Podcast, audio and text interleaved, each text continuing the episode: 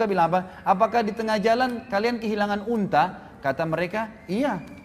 Kami kehilangan unta dan kami dengar. Terus orang-orang Quraisy bilang di Mekah, lalu apa yang kalian lakukan? De mereka bilang, kami dengar suara dan kami tidak tahu dari mana. Mengatakan unta kalian di lembah fulan. Kami ke sana kami temukan. Lalu yang terjadi ikhwah, orang-orang kafilah mengatakan kepada orang Mekah apa? Ya, mereka bilang, dari mana kalian tahu? Kalau zaman sekarang orang bisa ngirim di WhatsApp, bisa di SMS, bisa di ngirim foto. Ini kalau zaman dulu nggak mungkin, kecuali orang lihat, gitu kan? Nggak mungkin. Mereka bilang, dari mana kalian tahu? Kata mereka, dari Muhammad. Dari Muhammad. Berarti menandakan Isra Mi'raj itu benar, ikhwas sekalian. Dan sampai sini, mudah-mudahan nanti sebentar kita, saya masih minta waktu untuk melanjutkan setelah sholat duhur. Subhanakallahumma bihamdika asyhadu an la ilaha illa anta Wassalamualaikum warahmatullahi wabarakatuh. Allah wabarakatuh. Alhamdulillah wassalatu wassalamu ala. Segala puji bagi Allah Subhanahu wa taala juga salawat dan taslim besar Muhammad sallallahu alaihi wasallam. Melanjutkan bahasan Abu Bakar radhiyallahu anhu dan kita masuk ke subjudul yang lain, masalah peran Abu Bakar di malam hijrah Nabi sallallahu alaihi wasallam. Di Nabi sallallahu alaihi wasallam diperintahkan oleh Allah Subhanahu wa taala membolehkan para sahabat hijrah ke Madinah pada saat itu dan hampir setiap kali sahabat hijrah selalu Abu Bakar radhiyallahu meminta kepada Nabi SAW mengatakan ya Rasulullah izinkan dah saya tapi setiap kali izin pasti Nabi SAW mengatakan sabarlah wahai Abu Bakar mungkin Allah akan siapkan teman untukmu. Maka Abu Bakar pun berkata dalam jiwanya dalam dirinya mungkin saya telah diminta oleh Nabi SAW untuk menemani beliau karena beliau masih di Mekah. Maka hijrahlah sahabat satu demi satu ke Madinah. Sampai tibanya malam hijrah Nabi SAW waktu orang-orang Quraisy niat untuk memerangi atau membunuh Nabi SAW setelah mereka kumpul di Darun Nadwa dan mereka sepakat pada saat itu ungun ingin membunuh Nabi SAW sebagaimana disebutkan dalam hadis Bukhari. Maka mereka berkumpul lalu datanglah iblis syaitan menjelma menjadi manusia kemudian berkata kepada mereka pada saat ide-ide dikumpul dan Abu Jahal mengatakan lebih baik kita berikan atau keluarkan dari setiap suku yang ada di Mekah yang tidak beriman pada Muhammad, anak muda yang paling kuat, kemudian dibayar, lalu kemudian membunuh Muhammad secara uh, bersamaan agar sukunya Muhammad tidak bisa melawan. Maka syaitan pun berkata inilah pendapat. Ya, pada saat itu mendukung pendapat Abu Jahal. Lalu kemudian terjadilah upaya mereka untuk mem, uh, membunuh Nabi SAW malam itu sebagaimana sudah kita tahu kisahnya. Lalu Nabi SAW pada saat itu menyuruh Ali radhiyallahu anhu untuk menggantikan beliau di ranjangnya dan beliau di awal malam itu uh, keluar. Kemudian sambil membaca surah Yasin A'udzubillahi min baini aydihim saddan wa min khalfihim saddan la yubsirun. Kami jadikan di hadapan dan di belakang mereka pembatas sehingga mereka tidak bisa melihat. Ya maka Allah Subhanahu wa taala membuat seluruh musuh-musuh Allah itu tertidur. Lalu Abu Bakar ke rumah Eh, lalu Nabi SAW ke rumah Abu Bakar. Dan Aisyah menceritakan dalam hadis Bukhari bahwasanya eh, Nabi SAW datang di waktu di rumah kami yang tidak biasa beliau datang, maksudnya di awal malam tadi. Kemudian berkata kepada Abu Bakar, wahai Abu Bakar, keluarkanlah semua orang yang ada di sini. Waktu itu kebetulan kata Aisyah, aku sedang berada di situ bersama dengan Asma, dua-dua ya saudara perempuan nih, tapi lain ibu, sebagaimana sudah saya jelaskan tadi di awal. Kemudian Abu Bakar mengatakannya Rasulullah, mereka anak-anak saya, tidak ada masalah. Lalu kata Nabi Shallallahu Alaihi Wasallam, Hai Abu Bakar, terimalah berita gembira, aku telah diizinkan oleh Tuhanku untuk berhijrah. Maka Abu Bakar pun spontan langsung berkata, Ya Rasulullah, apakah boleh saya menemani anda? Maka kata Nabi Shallallahu Alaihi Wasallam, Iya, Allah telah memilihmu untuk menemaniku. Dan kata para ulama ini adalah penghususan Abu Bakar anhu. Pada saat itu Allah bisa menyiapkan banyak orang yang mendampingi Nabi Shallallahu Alaihi Wasallam. Waktu itu Umar bin Khattab sudah masuk Islam, Hamzah sudah masuk Islam, sahabat-sahabat yang dikenal sangat kuat secara fisik. Tapi Allah Subhanahu Wa Taala memilih Abu Bakar dan hanya satu orang. Ya, ada hanya satu orang dan salah satu rahasianya kata para ulama adalah pada saat orang safar memang harus memilih orang yang paling jujur, paling terpercaya dan memang paling siap ya untuk berteman bersama-sama sebagaimana salah seorang dari tabi'in pernah berkata kepada Umar bin Khattab di zaman khilafahnya beliau ya, saya suka orang ini ditunjuk seseorang gitu. Kata Umar apa kau sudah pernah safar bersama dia? Kata orang tersebut belum. Kata Umar kalau begitu kau belum mengenalnya. Kalau begitu kau belum mengenalnya. Ternyata tolok ukur sifat asli seseorang itu kelihatan pada saat safar. Ya, safar itu nanti dibutuhkan pengorbanan harta, pengorbanan waktu, mengalah dari teman, mungkin ada hal-hal yang berbahaya, maka dia berkorban untuk teman-temannya. Itu semua ada hal-hal yang berhubungan dengan safar dan tidak gampang. Biasanya ada orang pada saat hadir, lawan daripada safar ya, itu mereka baik-baik saja tapi pada saat safar kelihatan sering emosional, tidak mau membayar makanan, kadang-kadang ada yang nginap di penginapan tidak mau bayar penginapan, maunya terus nebeng sama temannya dan segala hal, tidak mau tahu kalau ada bahaya, dia melakukan masalah-masalah sehingga temannya pun terjerat dan banyak hal-hal yang terjadi. Maka di sini Allah Subhanahu wa taala memilih di antara semua sahabat walaupun ada yang kuat secara fisik Abu Bakar anu sebagai pendamping Nabi Muhammad sallallahu alaihi wasallam. Kita lihat kira-kira apa yang Abu Bakar lakukan sehingga ya Nabi sallallahu alaihi wasallam dipilihkan oleh Allah sebagai pendampingnya adalah dia atau Abu Bakar itu sendiri. Dikatakan oleh Aisyah, maka aku melihat ayahku Abu Bakar menangis ya karena senangnya pada saat itu karena gembirahnya dia yang disuruh dinemani Nabi Shallallahu Alaihi Wasallam yang belum pernah kata Aisyah aku melihat seseorang menangis karena senang seperti itu. Lalu Abu Bakar pun mengatakan ya Rasulullah aku sudah siapkan di belakang rumah ini dua ekor unta dengan persiapannya. Maka silakanlah tunggangin salah satunya dan saya akan jalan bersama anda. Lalu Abu Bakar mengatur strategi yang sangat luar biasa. Dia menyuruh Asma ya pada saat itu dan Abdullah anaknya uh, uh, untuk jalan ya untuk dan dan Abdurrahman pada saat itu ya untuk uh, jalan dan mencari informasi tentang orang-orang Quraisy. Lalu Nabi SAW menyuruh agar hijrah ya yang tadinya ke Madinah itu tadinya ke arah utara Jazirah Arab sekarang ke arah selatan jadi lawannya Ya, jadi Madinah itu berada di utara Jazirah Arab, tapi Nabi SAW tidak ke arah sana karena tahu kalau Quraisy akan mengejar. Maka beliau ke Gar Sur, Gua Sur yang berada menuju ke arah selatan atau ke arah Yaman. Ya ke arah kita di Indonesia sebenarnya, ke bawah. Lalu mereka pun tinggal di Gar Sur. Lalu, uh, lalu uh, Abu Bakar pun menyuruh Amir bin Fuhairah, salah satu budak yang dibebaskan oleh beliau, yang masuk Islam juga, mengembalakan domba menyuruh mengikuti unta Nabi SAW dengan Abu Bakar agar bekas-bekas kaki untanya diinjak oleh gembalaan Abu Bakar dan tidak kelihatan oleh Quraisy. Ringkas cerita yang kita ingin sampaikan adalah peran Abu Bakar. Pada saat Nabi SAW tiba di gua Thur dalam hadis Sahih riwayat Bukhari dijelaskan, maka Nabi SAW dilarang oleh Abu Bakar untuk masuk. Eh mohon maaf, ini disebutkan dalam athar yang sahih, tidak disebutkan dalam sahih Bukhari, tapi disebutkan dalam buku-buku athar yang sahih. Ya, semua buku-buku hadis menyebutkannya sebagai athar. Athar ini dinukil dari para sahabat, gitu kan. Kalau hadis seperti dari Nabi sallallahu alaihi wasallam. Maka disebutkan dalam athar yang sahih bahwasanya Abu Bakar radhiyallahu anhu sebagaimana dinukil oleh Abu Al-Qasim Al-Baghawi dalam kitab beliau melalui Ibnu Abi Mulaika bahwasanya Nabi SAW pada saat berangkat ke Gua Hira bersama Abu Bakar kemudian Abu Bakar ya sering kali berjalan di depan Nabi Shallallahu Alaihi Wasallam. Kadang-kadang beliau gelisah pindah ke belakang Nabi Shallallahu Alaihi Wasallam. Kadang-kadang beliau gelisah ke sebelah kanan Nabi SAW. Kadang-kadang beliau gelisah ke sebelah kiri Nabi SAW. Terus begitu. Lalu Nabi SAW dengan tenang tetap membaca Al-Quran di atas untahnya. Kemudian Nabi SAW melihat gerak-gerik Abu Bakar yang sangat banyak, maka berkatalah Nabi SAW, ada apa wahai Abu Bakar? Kata Abu Bakar, ya Rasulullah, kalau saya sedang berada di depan anda, tiba-tiba saya khawatir kalau ada musuh menyerang anda dari belakang, maka saya ke belakang anda. Kemudian kalau saya sedang di belakang anda, saya khawatir nanti musuh dari belakang, di sebelah kanan anda, maka saya ke sebelah kanan anda. Pada saat saya sebelah kanan, saya khawatir musuh datang ke sebelah kiri anda, maka saya sebelah kiri anda. Maka kata Nabi SAW, tenanglah wahai Abu Bakar, sesungguhnya Allah bersama kita. Tapi pelajaran besar bagaimana Abu Bakar memang luar biasa. Bukan hanya sekedar mendampingi atau bersapa bersama Nabi SAW. Tapi siap berkorban dan tidak ingin sedikit pun menimpa Nabi SAW pada saat itu. Dan riwayat yang lain menjelaskan bahwasanya pada saat Nabi SAW dan Abu Bakar tiba di Gaur, di Garthur, sebuah lubang gitu kan. Kemudian Nabi Abu Bakar berkata, ya Rasulullah jangan masuk dulu, jangan masuk dulu. Lalu Nabi SAW, lalu Abu Bakar masuk duluan. Kemudian Abu Bakar menutupi lubang-lubang yang ada di situ dengan bebatuan dan juga dengan kain-kain yang dia bawa, gitu kan? Tinggal tersisa dua buah lubang yang tidak bisa lagi ditutup sama dia. Biasanya lubang-lubang di gua ini ada ular atau kalajengking, gitu kan? Maka Abu Bakar pun dalam asar ini dikatakan meletakkan kedua telapak kakinya di lubang tersebut. Lalu Nabi SAW dipersilakan masuk Abu Bakar, lalu Abu Bakar, Nabi SAW pun tidur di paha Abu Bakar, tidur di paha Abu Bakar.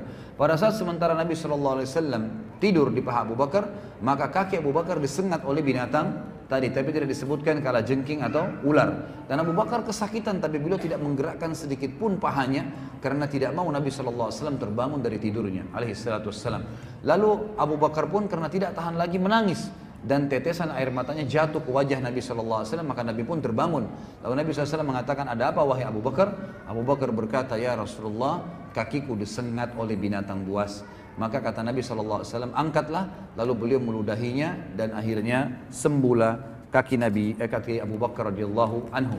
Dan ini sebuah kejadian yang luar biasa dari pada saat safar eh, Nabi SAW bersama Abu Bakar. Kemudian kita pindah, ya kisah demi kisah, poin demi poin ini dalam arti kata yang terlibatnya Abu Bakar di situ. Keteladanan agung dari kejadian perang Badar. Dan ini sudah saya jelaskan tadi sedikit mukaddimahnya. Dalam disebutkan dalam Tarikh Khulafa. Ya Tarikh Khulafa ini sebuah buku yang masyhur berbicara tentang khalifah-khalifah Islam. Didukil sebuah athar bahwasanya Ibnu Sirin berkata Abdurrahman ibn Abi Bakar yang saya bilang tadi belum sempat masuk Islam di Mekah lalu sempat ikut dengan pasukan Quraisy di eh, Badar. Kemudian dia berkata waktu masuk Islam kepada ayahnya, sungguh aku melihatmu mengincarku, tapi aku selalu menghindarimu. Aku tidak mau membunuhmu. Abu Bakar berkata, adapun aku, jika engkau mengincarku, maka aku akan menghadapimu dan aku akan membunuhmu. Ya, dalam hadis ini disebutkan bagaimana peran Abu Bakar radhiyallahu anhu memberikan pelajaran kepada kita semua bahwasanya kalau dalam peperangan maka tidak ada urusannya lagi dengan masalah anak.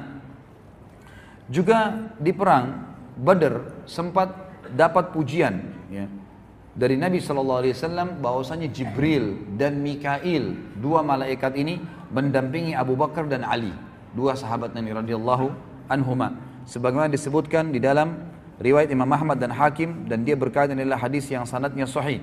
Dan juga Az-Zahabi mengisyaratkan hadis ini hadis sahih sesuai dengan syarat Imam Muslim di mana Abu Salih Al-Hanafi dari Ali radhiyallahu anhu dia berkata dikatakan kepada Ali dan Abu Bakar di perang Badar oleh Nabi sallallahu alaihi wasallam ma'a ahadikuma Jibril wa ma'al akharu Mikail wa Israfil malakun azim yashhadul kital au qala yashhadus saf Jibril bersama salah seorang dari kalian berdua sedangkan Mikail bersama yang lainnya. Israfil adalah malaikat yang sangat besar. Dia ikut menyaksikan peperangan atau Nabi SAW bersabda hadir dalam barisan bersama pasukan mujahidin.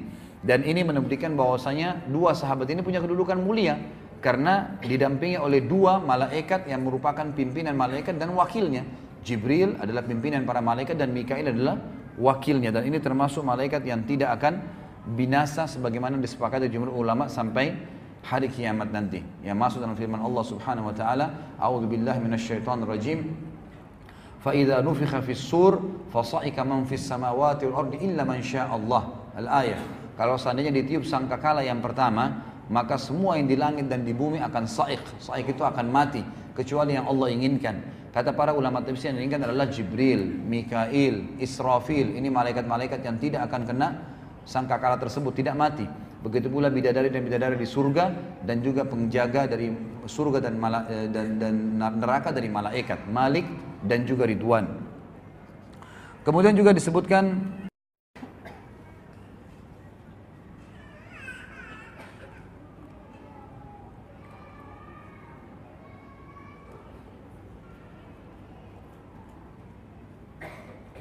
Keteguhan Abu Bakar di dalam peperang-peperangan bersama Nabi SAW selain perang Badar.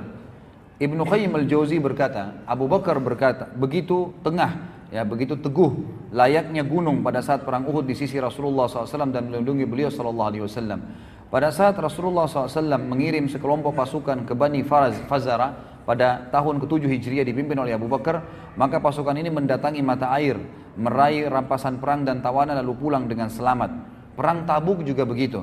Perang yang sangat sulit bagi kaum muslimin, panji muslimin dipegang oleh Abu Bakar. Jadi Abu Bakar ini bukan karena mertua Nabi SAW, bukan karena hanya sahabat yang dituakan kemudian tidak dikasih peran, justru diberikan panji peperangan. Dan kita sudah tahu di zaman dulu ikhwah dan akhwat sekalian, kekuatan pasukan itu ada di panji peperangan, jadi ada di benderanya. Kalau benderanya jatuh berarti pasukannya kalah. Ya, itu. Jadi diberikan panji itu adalah orang-orang yang terpilih. Dan kita lihat di sini di peperangan-peperangan diberikan panji kepada Abu Bakar ya disebutkan oleh Ibnu Qayyim dan juga tadi di beberapa peperangan baik di Uhud ya di perang di tahun 7 Hijriah mohon maaf di tahun 7 Hijriah di perang Bani Fazara dan juga di perang Tabuk yang perang Tabuk terkenal 100 km dari Madinah yang memerangi kaum Romawi. Kemudian perang Hunain juga, di mana kaum muslimin pada saat itu sempat terpecah belah dan orang yang paling pertama berkumpul di sisi Nabi Shallallahu Alaihi Wasallam pada saat Nabi mengatakan, Ana Nabiyyu la kadib, Ana ibnu Abdul Muttalib. Ya, saya adalah Nabi yang benar, tidak perlu kalian ragu dan saya adalah anaknya Abdul Muttalib. Maka halumma ilayya, berkumpullah kepada kalian, kepada kepada saya. Pada saat itu orang-orang muslim banyak bersebar, gitu kan. Lalu Abu Bakar datang dan orang pertama menemui Nabi Shallallahu Alaihi Wasallam. Kemudian Abu Bakar juga disebutkan ya, kedudukan beliau pada saat sulhu Hudaybiyah. Sulhu Hudaybiyah ini adalah kesepakatan antara Nabi SAW dengan orang-orang Quraisy. Waktu itu Nabi SAW mengajak sekitar seribu orang sahabat untuk haji, ya untuk haji. Pas tiba di Hudaybiyah, orang-orang Quraisy Mekah tahu dan ini terjadi tahun 7 Hijriah. Pada saat itu mereka tahu bahwasanya ya apa namanya Nabi SAW akan haji maka ditahanlah di Hudaybiyah tidak boleh muslimin masuk lalu diutuslah salah satu tokoh Quraisy untuk datang dan mengadakan perdamaian ditulislah perdamaian tersebut di depan Nabi SAW bersama Abu Bakar dan sahabat-sahabat Nabi yang lain semua sahabat-sahabat Nabi termasuk Umar waktu itu marah ya sempat marah dengan orang-orang Quraisy dan sempat menyampaikan kepada Nabi SAW ya Rasulullah dalam hadis Bukhari berkata ya, di, di, dikatakan Sebentar saya lihat ini diriwayatkan Imam Bukhari, iya, dalam kitab Asy-Syurut ya. Bahwasanya Abu, Abu Umar pernah berkata kepada Nabi SAW, "Ya Rasulullah, bukankah Anda Rasulullah?" Kata Nabi SAW, "Iya." "Bukankah kita benar?" Kata Nabi SAW, "Iya." "Bukankah orang-orang Quraisy itu salah, kafir?" Kata Nabi SAW, "Iya." Baik, Kenapa kita harus mengalah? Kenapa harus kita biarkan agama kita terhina? Karena orang-orang Quraisy itu memberikan syarat ikhwas kalian bahwasanya muslimin tidak boleh masuk Mekah tahun ini, tahun depan dan tidak boleh ada peperangan selama 10 tahun. Mereka harus pulang dalam kondisi sudah berihram pulang dan itu penghinaan, gitu kan? Maka Umar berkata ya Rasulullah, kenapa kita harus diam? Perangi aja mereka. Kata Nabi SAW, saya benar utusan Allah dan saya ya tidak bisa melanggar apa yang telah Allah perintahkan. Pasti, kata Umar, bukankah ya Rasulullah anda janji kami akan masuk ke Mekah dan tawaf? Kata Nabi SAW, benar. Tapi apakah saya janjikan kepadamu, hai Umar, kau akan tawaf tahun ini? Kan tidak. Tapi pasti Umar, setelah tahun ini kau akan masuk tawaf di situ. Gitu kan? Lalu Abu Umar pun masih merasa kesel. Maksudnya, ya Rasulullah, ayo kita perang gitu. Dan para sahabat-sahabat pun pada saat itu juga berharap begitu. Jumlahnya seribu banyak, walaupun tidak bawa senjata gitu. Lalu dia datang kepada Abu Bakar. Abu Bakar waktu itu tidak hadir pembicaraan antara Umar dengan Nabi Shallallahu Alaihi Wasallam. Abu Bakar pun lalu datangi oleh Umar. Umar berkata, Hai Abu Bakar, bukankah Rasulullah, betul bukankah ini Muhammad benar utusan Allah? Kata Abu Bakar, iya. Bukankah kita dalam keadaan benar? Abu Bakar mengatakan iya. Jadi di sini ulama mengatakan lihatlah persamaan pendapatan pendapat Nabi SAW dengan Abu Bakar tanpa Abu Bakar lihat. Abu Bakar ucapin ini betul-betul karena kejujurannya dan sedikitnya terhadap wahyu Allah. Maka berkata Umar, bukankah ya mereka dalam keadaan sesat dan kafir? Kata Abu Bakar, iya. Baik, kenapa kita tinggal diam? Kenapa kita nggak perangin mereka? Gitu kan? Lalu kata uh, kata Abu Bakar mengatakan dia adalah utusan Allah dan dia tidak mungkin melanggar perintah Tuhannya. Jadi subhanallah apa yang Nabi ucapkan Abu Bakar ucapin padahal Abu Bakar tidak tahu Nabi ucapin itu, gitu kan? Di kema yang berbeda. Lalu kata Umar, Baik, bukankah Muhammad wasallam Nabi Muhammad telah menjanjikan kepada kita, kita akan tawaf Kata Abu Bakar, benar. Tapi apa, apakah kau dijanjikan tahun ini, hai Umar? Tidak. Tapi kau pasti akan masuk dan tawaf setelah tahun ini. Subhanallah. Kata Umar, aku tidak menemukan sebu, seseorang yang sama dengan Nabi SAW seperti Abu Bakar. Gitu kan? Lalu setelah itu, ternyata tahun depan ada pengkhianatan terjadi oleh orang-orang Quraisy dan akhirnya Nabi SAW menyuruh tahun 10 Hijriah itu untuk pembebasan kota Mekah dan akhirnya Umar pun masuk ke Mekah tawaf bersama para sahabat dan Umar berkata, saya baru menyadari bahwasanya memang pendapat Allah dan Rasulnya jauh lebih benar dan saya merasa bersalah dengan perbuatan tersebut. Tapi di sini pelajaran bagaimana kesamaan pendapat Abu Bakar dengan Nabi Sallallahu Alaihi Wasallam. Kemudian kita masuk isyarat-isyarat Nabi SAW tentang khilafahnya Abu Bakar setelahnya. Jadi tidak dipilih orang lain, cuma Abu Bakar saja. Sebagaimana disebutkan di dalam riwayat Bukhari, disebutkan dalam Sahih Bukhari, bahwasanya Jubair bin Mut'im dari ayahnya dan ia berkata, seorang wanita datang kepada Nabi SAW dan beliau memintanya untuk kembali lagi kepadanya. Maka wanita itu berkata, bagaimana kalau saya kembali nanti setelah anda meninggal, aku tidak menemui anda, anda sudah meninggal. Kata Nabi SAW, maka engkau menemui Abu Bakar. Illam tajidini fa'ti Abu Bakar. Kalau engkau tidak menemuiku nanti, aku sudah meninggal, kalau kau kembali datangilah Abu Bakar. Ini kata ulama isyarat yang sangat jelas, Abu Bakar mereka akan menjadi khalifah setelah Nabi SAW. Ibnu Hajar berkata dalam Fatih, menjadikan hadis ini dalil yang menunjukkan bahwasanya Abu Bakar merupakan khalifah setelah Nabi SAW adalah sahih dan benar. Tetapi hanya sebuah isyarat saja, memang tidak menunjukkan secara langsung. Tapi yang jelas, riwayat ini menjelaskan memang setelah Nabi SAW meninggal, maka Abu Bakarlah yang diangkat oleh para sahabat. Kemudian juga, waktu Nabi SAW akan meninggal dunia, dalam riwayat yang sahih, riwayat ini disebutkan oleh Imam Bukhari, dan juga Imam Muslim bahwasanya Nabi SAW sempat pingsan dan berkata kepada Aisyah, Wahai Aisyah, perintahkanlah Abu Bakar agar menjadi imam sholat. Maka Aisyah mengatakan, Ya Rasulullah, Abu Bakar orang yang suka, ya lembut dan suka menangis. Maka carilah orang lain. Coba perintahkan Umar saja. Lalu Nabi SAW pingsan. Kemudian uh, Aisyah mendatangi Hafsah lalu berkata, Wahai Hafsah, Katakanlah kepada Nabi Shallallahu Alaihi Wasallam, kalau Abu Bakar itu orang yang suka nangis, suruh ayahmu saja Umar bin Khattab yang lebih jelas suaranya, gitu kan? Suruh dia jadi imam. Maka waktu Nabi SAW sadar, Hafsah pun, ya Nabi SAW mengatakan, Wahai Aisyah sudah jalan kan belum berita saya? Hafsah mengatakannya Rasulullah, sama perkataan Aisyah. Abu Bakar orang yang suka menangis, baka, lembut hatinya. Jadi dia suka kalau dengan air pasti nangis, suruh Umar saja. Maka kata Nabi SAW, Mah, la antunna sawahibu Yusuf, Muru Abu Bakar fayusalli bin nas. Sungguh salah pendapat kalian. Ya, mah itu seperti menghardik ya. Sungguh kalian wanita sama dengan teman-temannya Yusuf. Maksudnya orang-orang wanita yang pernah memuji-muji Yusuf. Pikirannya hanya ke situ saja, sekitar itu. Ragu dalam menegakkan kebenaran atau meyakini kebenaran. Perintahkan Abu Bakar yang akan menjadi pengganti orang. Mengganti orang, menggantiku sholat. Maka akhirnya Abu Bakar pun menggantikan Nabi SAW untuk sholat. Kemudian dalam riwayat lain juga riwayat Bukhari dari Aisyah radhiyallahu berkata Rasulullah SAW bersabda ketika beliau sakit, "Ud'i ud'i li Aba Bakrin wa akhaka hatta aktuba kitaban fa inni akhafu an yatamanna mutamanna wa yaqulu qail ana aula wa ya'ba Allah wal mu'minuna illa Aba Bakr." Hadis ini riwayat Bukhari. Terjemahannya, panggilkan ayahmu wahai Aisyah dan saudaramu Abdurrahman sehingga aku bisa menulis sebuah surat karena aku khawatir ada orang yang berharap ada orang yang berharap dan berkata aku lebih berhak untuk menggantikan Nabi Muhammad SAW. Padahal Allah dan dan orang-orang beriman menolak ya kecuali Abu Bakar, kecuali Abu Bakar dan ini jelas isyarat dari Nabi SAW bahwasanya Abu Bakar adalah pengganti beliau. Kemudian kita masuk pada saat meninggalnya Nabi SAW. Bagaimana keteguhan Abu Bakar?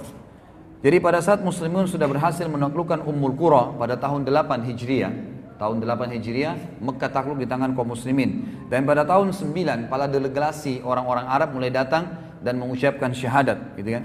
Kemudian Nabi SAW sempat membentuk pasukan, ya, pasukan dipimpin oleh Usama bin Zaid, gitu kan. Dan di dalam pasukan itu ada Abu Bakar dan Umar. Kemudian Nabi SAW sempat berkata kepada Usama, wahai Usama, kalau kau izinkan maka keluarkanlah Abu Bakar. Abu Bakar dikeluarkan dari pasukan lalu menemani Nabi Shallallahu Alaihi Wasallam. Pasukan ini tujuannya untuk menyerang Romawi. Ya pada saat itu dan pasukannya besar, sekitar e, berjumlah 3.000 mohon maaf 7.000 orang, 7.000 dari mujahidin yang keluar pada saat itu. Maka pada saat Nabi Shallallahu Alaihi Wasallam sempat sakit waktu itu, kemudian orang-orang ya khawatir dengan Nabi Shallallahu Alaihi Wasallam, maka Abu Bakar pun dari pasukan tadi kembali menemani Nabi SAW melihat keadaan Nabi SAW dan pagi harinya Nabi sempat sehat dan Abu Bakar sempat jadi imam dan Nabi sempat keluar menjadi makmum di belakangnya. Kemudian Nabi SAW kembali istirahat dan sakit keras. Setelah itu Nabi SAW meninggal dunia Ringkas cerita Nabi SAW meninggal ini ada sejarah sendiri Nabi meninggal dunia. Nabi SAW meninggal dunia. Lalu orang-orang semua bingung, guncang Madinah pada saat itu. Guncang Madinah. Sampai Umar bin Khattab pun menghunuskan pedangnya sambil berkata, tidak ada orang yang boleh mengatakan Muhammad telah mati. Kalaupun dia pergi, dia pingsan, maka Tuhannya akan mengembalikannya. Kalau ada yang mengucapkan, maka saya akan tebas lehernya. Maka orang-orang semua tambah takut. Bingung Nabi SAW meninggal, Umar pun juga dengan tegas teriak-teriak seperti itu dan orang tahu siapa Umar, sahabat terdekat Nabi SAW juga setelah Abu Bakar.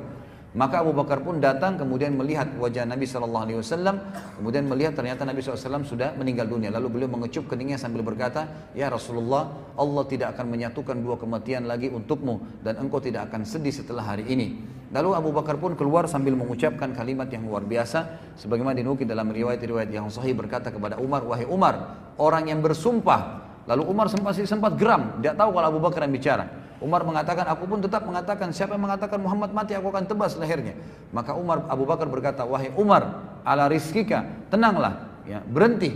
Maka Abu Bakar Umar mengatakan pada saat ada suara lebih tegas lagi di belakang saya, saya pun balik ternyata Abu Bakar, maka saya tenangkan diri saya. Lalu Abu, Bakar mengatakan radhiyallahu anhu kalimat yang masyhur disebutkan dalam ya, sebuah riwayat yang sahih dinukil oleh Imam Bukhari. Abu Bakar mengatakan, "Ala man kana ya'budu Muhammadan sallallahu alaihi wasallam fa inna Muhammadan qad mat wa man kana ya'budu Allah fa inna Allah hayyun la yamut." Wa qala, "Inna innaka mayyitun wa innahum mayyitun." Wa qala, "Wa ma Muhammadun illa rasulun qad khalat min qablihi ar-rusul. Afa in mata aw qutila qalabtum ala aqabikum wa yanqalib ala aqibihi falan yadurra Allah wa sayajzi kirin." Kata Abu Bakar, siapa pun yang menyembah Muhammad sallallahu alaihi wasallam maka ketahuilah Muhammad telah mati dan siapa yang menyembah Allah Allah itu hidup dan tidak akan pernah mati. Serta Abu Bakar membaca firman Allah yang berbunyi wahai Muhammad kau pasti mati dan semua juga akan mati setelahmu. Serta firman Allah Muhammad tidaklah kecuali seorang rasul yang telah berlalu sebelumnya rasul-rasul Allah kalau dia mati atau terbunuh di medan perang, maka apakah kalian akan meninggalkan agama Allah? Siapa yang meninggalkan agamanya Allah, maka tidak akan ber, tidak akan berbahaya, membahayakan bagi Allah dan Allah akan memberikan balasan bagi orang-orang yang bersyukur. Kata Umar, waktu ayat ini Abu Bakar baca, saya tiba-tiba tersungkur atau menungkurkan kaki saya ke tanah dan menangis dengan tidak bisa tertahan lagi karena menyadari benar Rasulullah SAW telah meninggal dan seakan-akan ayat ini belum pernah saya dengarkan sebelumnya. Lalu beberapa sahabat juga dinukil dalam riwayat-riwayat yang sahih, kami seakan-akan baru mendengarkan, ya baru mendengarkan ayat tersebut setelah dibaca oleh Abu Bakar radhiyallahu anhu. Kemudian pada saat itu Abu Bakar ya, dibaiat oleh orang-orang Madinah, dibaiat oleh orang-orang Madinah. Waktu itu sempat simpang siur nih, siapa yang akan dibaiat? Orang-orang Ansar sempat kumpul di Bani Thaqifah, kemudian mereka mengatakan, ayo kita memimpin ya Sa'ad ibn Ubadah, pemimpin mereka, kita pilih jadi khalifah. Lalu Abu Bakar dan Umar segera menuju ke Bani Thaqifah bersama dengan Abu Ubaidah. Lalu keluarlah. Ya. Keluarlah mereka bersama bertiga, bertiga ke sana lalu kemudian berkata uh, Umar, saya akan ceramah, saya akan bicara. Kata Abu Bakar sebentar wahai Umar. Kata Abu Umar, eh, kata Abu Bakar wahai kaum Ansar, kami adalah pemimpin orang-orang muhajirin karena Allah telah mendahulukan kami dalam firman-Nya wasabiqun al-awwaluna minal muhajirin wal ansar. Muhajirun baru ansar dan kalian orang-orang ansar adalah wakil-wakil kami. Jadi ada raja, ada wakilnya, gitu kan? Kalian wakil kami. Lalu berkata orang-orang ansar, ada sebagian mengatakan kami tidak setuju. Kami ingin pemimpin dari kalian dan pemimpin dari kami. Lalu Abu Bakar pun mengatakan tidak bisa. Pemimpin cuma satu dari orang-orang Mekah, muhajirin dan kalian adalah menteri-menterinya. Lalu berkatalah Abu Bakar, saya menunjuk, saya menunjuk untuk kalian orang yang paling dipercaya oleh Nabi SAW. Inilah Umar, ya, pilihlah Umar. Maka Umar pun mengangkat, memegang tangan Abu Bakar mengatakan tidak demi Allah kami tidak akan pernah ya, terpilih satupun di antara kami sementara kamu ada wahai Abu Bakar. Maka saya wahai muslimin membayar Abu Bakar apakah kalian setuju? Maka seluruh muslimin pun mengangkat tangannya dan mengatakan kami membayar Abu Bakar. Dalam riwayat Bukhari yang lain dikatakan ikhwas sekalian bahwasanya Ya, Umar berkata, apakah ada di antara kalian yang berani mendahului Abu Bakar? Sementara Abu Bakar itu yang telah ditunjuk oleh Nabi SAW jadi imam kalian pada saat Nabi sakit ya. Maka adakah yang berani maju? Ada yang berani maju? Silahkan silahkan maju. Bayat dirinya. Maka mereka semua mengatakan orang Ansar dan ini tanda keimanan mereka tentu di buku ini juga disebutkan fadilah Ansar tapi saya tadi tidak sebutkan ya secara khusus. Mereka luar biasa dari sisi iman. Mereka mengatakan kami tidak mungkin mendahului Abu Bakar setelah Nabi SAW menyuruh jadi imam. Maka dibayatlah Abu Bakar pada saat itu. Kemudian ada kejadian besar ikhwas kalian pada saat Abu Bakar menjadi khalifah yang paling pertama beliau lakukan adalah pada saat itu suku-suku Arab banyak yang murtad. Banyak yang murtad meninggalkan agama Islam. Ada yang murtad, ada yang mengaku nabi sendiri seperti ya orang-orang yang muncul Musailam al-Kadzab. Kemudian ada juga yang menolak membayar zakat. Muslim tapi tidak mau zakat lagi. Zakat khusus untuk Nabi SAW. Waktu itu jadi keadaan Madinah sedih meninggalnya Nabi SAW. Pasukan juga terbatas. Bayangkan kalau semua suku-suku Arab banyak yang murtad gitu kan. Maka Abu Bakar pun mengatakan pasukan Ushrah, pasukan yang telah dibentuk oleh Nabi SAW yang sudah keluar dari pinggir kota Madinah, di keluar kota Madinah, ingin menyerang Romawi, gitu kan. Itu kata Abu, kata Abu Bakar, saya tetap akan mengirimnya. Kata Umar, ya Abu Bakar, Madinah sekarang akan diserang Ya, ini bahaya banyak orang yang murtad. Kenapa kita tidak tarik pasukan itu bertahan dalam Madinah mengirim dai-dai kepada mereka? Ini pendapat Umar. Apa kata Abu Bakar? Wahai Umar, saya tahu dulu kamu di zaman jahiliyah adalah orang yang sombong dan sangat kekar. Kenapa kamu jadi pengecut setelah masuk Islam? Gitu kan? Bukankah agama ini sudah sempurna? Bukankah Rasulullah SAW telah membentuk pasukan Usama? Demi Allah saya tidak akan melepas ya tali yang telah di, di, di, di, disampul oleh Nabi SAW, disimpul oleh Nabi SAW. Maka saya tetap akan utus pasukan tersebut dan tetap akan menyerang apa yang telah Nabi SAW suruh serang. Maka kata Umar, saya tidak melihat kecuali Allah telah membuka dada Abu Bakar. Maka pasukan pun tersebut keluar, lalu apa yang terjadi ikhwas sekalian? Seluruh suku-suku Arab yang dilewati oleh pasukan Usama bin Zaid ketakutan gitu kan. Dan mereka berkata, pasukan sebanyak ini, 7000 orang, tidak akan keluar dari Madinah dari sarangnya kecuali di dalam sarangnya pasti lebih banyak pasukannya. Padahal sebenarnya lagi lemah Madinah. Maka akhirnya jazirah Arab menjadi tenang. Makanya para ulama mengatakan Abu Bakar telah mengembalikan Islam di jazirah Arab. Dan selama Islam berjaya sampai hari kiamat jazirah Arab maka Abu Bakar panen pahalanya karena tetap mengirim pasukan usyrah pasukan yang telah dibentuk oleh Nabi sallallahu alaihi wasallam. Kemudian kita lihat pada saat Abu Bakar jadi khalifah ikhwas sekalian, apa khutbahnya? Apa yang disampaikan? Dan mana khalifah-khalifah kita sekarang yang mana presiden-presiden kita yang berkata seperti ini? Ya, perkataan yang luar biasa. Sekali lagi Abu Bakar tidak punya ijazah ikhwah. Khusus masalah ekonomi, masalah politik tidak ada sama sekali. Yang ada kitabullah wa sunnati Rasul sallallahu alaihi wasallam itu saja. Kitab yang dibaca cuma satu Al-Quran, ini rujukannya dan mengikuti sunnah Nabi Sallallahu Alaihi Wasallam. Tidak ada yang lain, ini di atas segalanya. Kata dia waktu dia naik di mimbar dan dikhalifahkan, beliau mengatakan, sesungguhnya aku telah dipilih sebagai pemimpin kalian padahal aku bukan orang terbaik dari kalian. Jika aku berbuat baik, maka dukunglah aku. Jika sebaliknya, maka luruskanlah aku. Kalau ada yang salah, luruskan. Lalu beliau mengucapkan ini yang jadi garis bawahi. Ini sifat beliau, siddiq. Beliau mengatakan, kejujuran adalah amanah.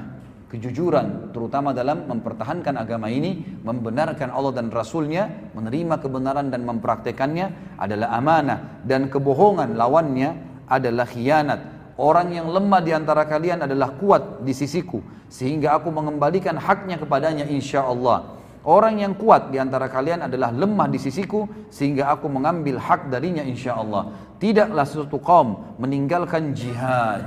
Ini garis bawah ikhwah ya. Wasiat Abu Bakar pertama naik mimbar tidaklah satu kaum muslimin meninggalkan jihad di jalan Allah kecuali pasti Allah akan menimpakan kehinaan atas mereka. Ini yang pegang bukunya di halaman 164 ya. Kehinaan atas mereka. Tidaklah perbuatan keji. Jadi di sini Abu Bakar menekankan ya. Yang kita sayangkan sekarang memang jihad ini hilang dari kaum muslimin. Hilang betul. Jadi nggak ada ya. Nanti betul-betul wilayah diserang baru bisa menyerang. Padahal jihad dalam Islam itu bisa terjadi dua keadaan. Kalau lagi diserang ini fardu ain. Atau memang mau ekspansi Islam.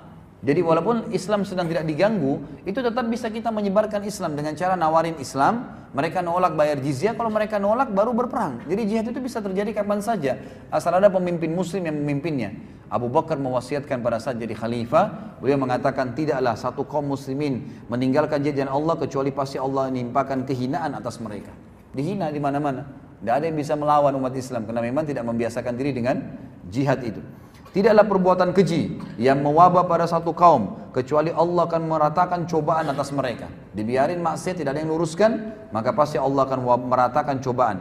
Taatilah aku selama aku mentaati Allah dan Rasulnya. Ini prinsip dasarnya. Namun jika aku mendurhakai Allah dan Rasulnya, maka tidak ada ketaatan untukku atas kalian. Berdirilah untuk sholat, dirikanlah selalu sholat, dan semoga Allah merahmati kalian. Jadi kita lihat di sini bagaimana khutbahnya yang luar biasa Abu Bakar radhiyallahu anhu. Di antara khutbah-khutbah yang beliau sampaikan yang masyhur adalah tapi ini setelah beliau jadi jadi imam ya, jadi jadi pemimpin. Dan kita juga perlu tahu ikhwah, ini mungkin yang hilang di tengah-tengah kaum muslimin ya. Pemimpin negara dia di zaman Nabi SAW, di zaman Khulafaur Rasyidin, Abu Bakar, Umar, Uthman, Ali, nanti kita lihat semua kisah-kisahnya. Itu memang yang jadi raja pada saat itu, mereka adalah imam masjid jami'. Jadi semestinya presiden kita itu kalau mau ikutin hukum Islam itu jadi imam di Istiqlal lima waktu sholat. Subuh, duhur, asar, maghrib, isya. Yang kedua, ya, yang kedua yang mesti diketahui adalah bahwasanya mereka memang selalu khutbah Jumat. Dan ini juga saya sekalian ingatkan masjid-masjid kita, sebenarnya tidak harus terlalu banyak khatib di masjid. Karena memang dalam Islam itu selama Abu Bakar jadi khalifah dua tahun, dua tahun khatib Jumat, tidak pernah diganti. Ya, kecuali memang dalam peperangan lagi keluar, Nabi SAW tidak pernah digantikan khutbah Jumat. Umar juga begitu, Utsman juga begitu. Jadi mereka punya kewajiban, makanya mereka harus alim, faham hukum agama. Mereka menyampaikan. Di antara khutbah yang menarik dari Abu Bakar adalah Abdullah bin Hakim berkata, Abu Bakar berkhutbah kepada kami. Dia berkata, "Amma ba'd, Sesungguhnya aku berwasiat kepada kalian agar kalian bertakwa kepada Allah, memujinya dengan apa yang sesuai dengan kebesarannya, menggabungkan antara kecemasan dan harapan. Artinya selalu cemas, jangan sampai azabnya Allah datang nih kalau saya berbuat dosa dan selalu punya harapan besar pasti Allah terima amal solehnya. Selalu memohon kepada Allah tanpa kenal jenuh Selalu tidak pernah putus asa minta kepada Allah. Sesungguhnya Allah Ta'ala telah memuji Zakaria dan keluarganya dalam firmannya. Dalam surah Al-Anbiya ayat 90. A'udzubillahi rajim. Innahum kanu yusari'una fil khairati wa yad'una ragaban wa rahaba wa nahnu wa kanu lana khashiin. Sungguh mereka selalu bersegera dalam mengerjakan kebaikan dan mereka berdoa kepada kami dengan penuh harap dan cemas dan mereka orang-orang yang khusyuk kepada kami. Wahai hamba-hamba Allah kata beliau, ketahuilah bahwa Allah telah menggantungkan haknya kepada diri kalian. Dia telah mengambil perjanjian dari kalian atas hal itu. Dia memberi dari kalian yang sedikit lagi fana dengan yang banyak lagi kekal. Maksudnya dunia ditukar dengan akhirat. Ini adalah kitabullah, Al-Quran. Keajaiban-keajaibannya tidak pernah habis. Cahayanya tidak akan pernah padam. Benarkanlah kata-katanya. Patuhilah kitabnya dan ambillah cahaya darinya untuk hari kiamat. Dia hanya Allah hanya menciptakan kalian untuk beribadah kepadanya. Dia mengutus para malaikat al-kiram al-katibin, maksudnya raqib dan atid kepada kalian. Mereka mengetahui apa yang kalian lakukan. Kemudian ketahuilah wahai hamba-hamba Allah, kalian hilir mudik di dunia ini pagi dan petang kepada sebuah ajal yang ilmunya tidak kalian ketahui. Jika kalian mampu pada saat ajal itu tiba sementara kalian dalam sebuah amalan karena Allah karena Allah mau amalan itu maka lakukanlah. Namun kalian kalian tidak akan mampu demikian kecuali dengan pertolongan Allah. Maka berlombalah mendahului ajal kalian yang masih tersisa waktunya sebelum ia habis sehingga ia mengembalikan kalian pada perbuatan buruk kalian. Artinya kalau kalian tidak beramal soleh pasti kalian akan berbuat buruk otomatis. Orang kalau tidak berbuat baik pasti berbuat buruk, tidak ada tengah-tengahnya, tidak ada gabungan antara keduanya. Maka berarti baik atau buruk. Kalau kalian tidak berbuat baik, maka kalian akan berbuat buruk dan kalau ajal kalian datang kalian akan menyesal. Sesungguhnya suatu kaum menyerahkan ajal mereka kepada orang lain dan mereka melupakan diri mereka sendiri. Sayang sekali beliau bilang, banyak sekali orang gitu kan yang menyerahkan hidupnya, serang orang, ribut, ya menyerang orang lain, menyusahkan orang lain tapi seakan-akan gampang membunuh orang tapi dia lupa dia pun akan mati ajalnya. Kata beliau, saya sarankan jangan kalian meniru mereka. Bersegerahlah, bersegerahlah, selamatkan diri kalian karena di belakang kalian ada pemburu para malaikat yang bergerak gesit dan urusannya pun sangat cepat pada saat mencabut ruh. Gitu kan? Jadi ini wasiat yang luar biasa dari Abu Bakar radhiyallahu anhu. Beliau juga pernah berkhutbah dalam riwayat yang lain. Ini semua disebutkan dalam Sifatus Safwa juga Makarimul Akhlak, buku-buku yang mulia menulis tentang asar sahih menurut Abu Bakar. As-Siddiq pernah berkhutbah di hadapan kaum muslimin dia berkata wahai manusia hendaklah kalian malu kepada Allah. Demi Allah aku tidak keluar untuk sebuah keperluan buang hajat sejak aku membaiat Rasulullah SAW kecuali aku menutup kepalaku karena aku malu kepada Allah Subhanahu Wa Taala. Jadi Abu Bakar selalu menaruh ada jubah di atas kepalanya itu justru karena malu kalau kepalanya dilihat oleh Allah Subhanahu Wa Taala. Sampai pada tingkat itu malunya dengan Allah. Kata para ulama menanggapi kisah ini atau penyampaian ini, kalau kepalanya saja rambutnya dia malu dilihat oleh Allah Azza Wajal, malu dengan Allah rasa malunya, maka bagaimana kalau dia bermaksiat kepada Allah? Abu Bakar tidak pernah melakukan hal tersebut. Kemudian potret cemerlang dari ketawaduan beliau. Radhiyallahu anhu. Tawadhu berarti merendahkan diri. Disebutkan Abu Bakar biasa memerah susu. Ikhwas sekalian. Jadi Abu Bakar sebelum jadi khalifah suka memerah susu bagi anak-anak kecil tetangga-tetangga rumahnya. Dan ini disebutkan di dalam Usud Ghaba dan Ibnu Kathir mengatakan ini adalah redaksi yang hasan serta riwayat ini didukung juga dengan riwayat-riwayat yang lain yang sahih ya disebutkan dalam banyak buku. Tetap di rumahnya saja. Tetangganya berkata, sungguh anak-anak kecil bilang, sudah nggak ada lagi yang perahkan kami susu. Lalu Abu Bakar mendekati mereka sambil berkata, pasti ada yang perahkan dan saya demi Allah tidak akan mengubah perilaku saya yang baik sebelum saya jadi khalifah setelah saya jadi khalifah. Tetap saya akan lakukan. Maka Abu Bakar pun mendatangi anak kecil yang ngomong sambil berkata kamu mau susu yang berbui atau susu yang tidak berbui? Maka anak itu kadang-kadang mengatakan pada hari satu hari mengatakan yang berbui hari besok dia mengatakan tidak berbui. Dan Abu Bakar terus memerahkan susu mereka sampai beliau meninggal radhiyallahu anhu jadi memerah susu untuk tetangganya, yaitu pada saat beliau menjadi khalifah. Dan ini luar biasa. Umar berkata, satu waktu juga aku selalu mendatangi ya, rumah seorang janda dan berusaha untuk berbuat baik pada janda tersebut. Setiap hari aku datang, selalu aku selalu didahului seseorang. Pasti kalau aku mau datang, mau siapin makan, sudah ada makanannya. Mau bersihin rumahnya, sudah dibersihin rumahnya. Mau masakin, sudah masak, ada orang masak. Dia terus telusuri. Dan dia tanya orang yang punya rumah, siapa itu? Yang datang mengurus anda? Orang yang punya rumah bilang, saya nggak tahu. Janda buta matanya. Ada seseorang sering datang. Lalu Umar satu waktu sembunyi-sembunyi ingin mencari tahu, dia datang lebih cepat, ternyata dia temukan Abu Bakar yang melakukannya. Maka dia mengatakan, oh ternyata kamu orangnya wahai Abu Bakar.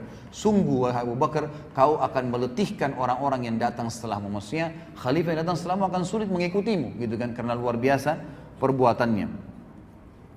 Kemudian Abu Bakar juga pernah waktu mengutus pasukan disebutkan di dalam hadis yang diriwayatkan Baihaqi dan juga ini diriwayatkan oleh Ibnu Asakir ya dengan sanad yang hasan bahwasanya Sa'id bin Musayyib seorang tabi'in berkata ketika Abu Bakar radhiyallahu mengirim bala pasukan tentara ke Syam, dia mengangkat Yazid bin Abi Sufyan, Amr bin As dan Syurahbil bin Hasanah sebagai panglima perang. Dan mereka semua bertiga mengendarai kuda. Sementara Abu Bakar waktu itu jadi khalifah berjalan kaki di samping kuda-kuda mereka.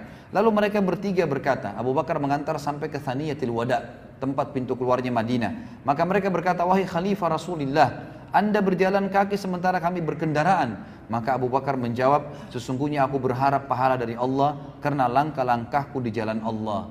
Ya, bagaimana bisa ini luar biasa. Kadang-kadang kita bandingkan kalau dengan presiden kita sekarang, dia mau lewat, dikosongin jalan, dipinggirin orang, gitu kan. Disuruh pindah semua demi untuk dia. Apa haknya? Dari mana haknya dia melakukan hal tersebut?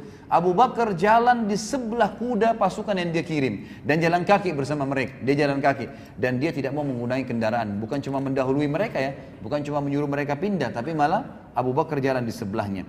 Bahkan di dalam hadis lain dikatakan Abu Bakar berkata, aku ingin agar langkah-langkahku ini walaupun aku tidak hadir bersama kalian di medan perang, dicatat pahala oleh Allah Subhanahu wa taala sebagaimana Nabi sallallahu alaihi wasallam menyebutkan di dalam hadis, setiap langkah di jalan Allah akan diberikan seribu pahala, dihapuskan seribu dosa dan diangkatkan seribu derajat di surga nanti. Ini contoh daripada Abu Bakar. Kemudian contoh yang lain dari keadilan Abu Bakar. Tadi itu adalah ketawaduan ke keadilan Abu Bakar radhiyallahu anhu dikatakan bahwasanya Abu Bakar oleh Aisyah radhiyallahu dalam hadis yang sahih riwayat ya, disebutkan oleh Ibnu Sa'ad dalam At-Tabaqat dengan sanad yang sahih bahwasanya Aisyah berkata ayahku Abu Bakar membagi fai. Fai ini ikhwas sekalian pendapatan negara. Jadi ini kita perlu kita tahu juga di dalam Islam itu kalau ada berdiri negara Islam dan ada pendapatan negara pendapatan negara itu dibagi rata kepada masyarakat Memang sudah begitu hukum Islam.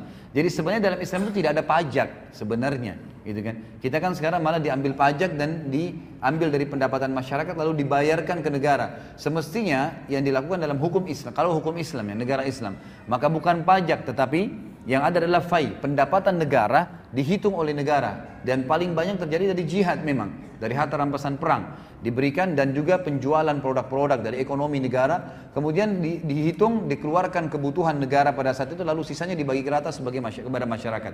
Dan Abu Bakar kata Aisyah membagi rata fai. Di, kalau di, eh, di tahun pertama beliau memberikan kepada setiap hamba sahaya 10 bagian Ya, di sini tidak disebutkan 10 dirham atau 10 dinar, intinya dibagi 10 dan diberikan juga kepada orang yang bebas 10, wanita 10, laki-laki 10 dan di tahun kedua beliau memberikan masing-masing 20 tanpa membedakan satu sama yang lainnya. Jadi Abu Bakar di sini membagi rata dengan keadilannya. Ya. Kemudian juga sifat wara, ini saya cuplik satu-satu saja ikhwah. Sifat wara ini artinya wara itu begini. Wara itu adalah sifat di mana seseorang lebih peka hati-hati menjaga pelanggaran oleh Allah di jalan Allah SWT. Seperti pernah kalau anda pernah ikutin ceramah saya, pernah saya sampaikan kisah Imam Nawawi. Imam Nawawi itu pernah menjaga waraknya pada saat tetangganya kehilangan kambing, kehilangan kambing. Imam Nawawi tidak membeli kambing sebulan. baik kambing hidup atau beli daging kambing. Karena khawatir jangan sampai kambing yang dia beli di pasar, daging atau masih itu adalah kambing tetangganya yang dicuri. Tidak mau makan kambing gara-gara khawatir, itu namanya warak. Hati-hati sekali, jangan sampai makan yang haram. Ada kisah berhubungan dengan Abu Bakar disebutkan dalam dengan asar yang sahih disebutkan dalam uh, Tartibul Afwah. Salah satu karya ditulis oleh Dr. Said Hussein dan juga ada riwayat sahih yang menukil masalah ini dalam riwayat Bukhari. Ini hadis sahih sebenarnya. Bahwasanya Abu Bakar pernah memiliki seorang hamba sahaya yang bekerja untuknya. Lalu Abu Bakar kebetulan waktu siang hari ketemu dengan hamba sahaya itu lagi bawa makanan. Abu Bakar lalu memakan tiba-tiba makanan yang dibawa. Memang biasanya dia hidangkan dari hasil kerjanya dikasih Lalu hamba saya tersebut berkata, tahukah anda dari mana ya makanan yang saya kasih ini? Kata Abu Bakar, tidak. Kata budaknya, biasanya anda bertanya kepada saya, kenapa sekarang anda nggak tanya? Kata Abu Bakar, saya lapar dan saya percaya dengan kamu. Baiklah, dari mana kau dapat makanan ini? Kata dia, tadi waktu saya lagi melewati satu kaum, ada satu kaum, kaum ini jahiliyah, bukan orang Islam. Lalu saya berpura-pura menjadi dukun. Ya. Saya pura-pura tahu sesuatu, lalu mereka saya terka-terka dan saya berbohong. Kemudian mereka memberikan imbalan, maka inilah yang anda makan. Dalam hadis ini, dalam riwayat ini dikatakan Abu Bakar lalu mengorek mulutnya dan mengeluarkan makanan tersebut sampai tidak tersisa. Dalam riwayat lain dikatakan ada seseorang melihat Abu Bakar itu mengorek mulutnya dan tidak keluar. Orang itu mengatakan tidak bisa keluar kecuali anda masukkan di dalam mulutnya, gitu kan? Eh, di dalam mulut anda air maka Abu Bakar meminum air lalu kemudian mengorek dan memaksanya keluar dan ini ulama memasukkan dalam sifat warak Abu Bakar radhiyallahu anhu yang luar biasa Kemudian contoh kelembutan hati dan tangisan Abu Bakar radhiyallahu anhu. Kata Nabi eh, disebutkan dalam riwayat pada saat Nabi SAW meninggal, hadis ini sahih diriwayatkan oleh Imam Muslim. Abu Bakar berkata kepada Umar, ayo kita kunjungin Ummu Aiman. Ummu Aiman salah satu sahabat yang sangat tua dan Nabi SAW sering berkunjung ke rumahnya, gitu kan. Lalu Abu Bakar dan Umar pun mengunjungi Ummu Aiman. Lalu Ummu Aiman menangis tiba-tiba waktu lihat Abu Bakar dan Umar. Kata Abu Bakar dan Umar, kenapa anda menangis Ummu Aiman? Bukankah dengan matinya Rasulullah SAW berarti Allah memilihkan yang terbaik untuk beliau?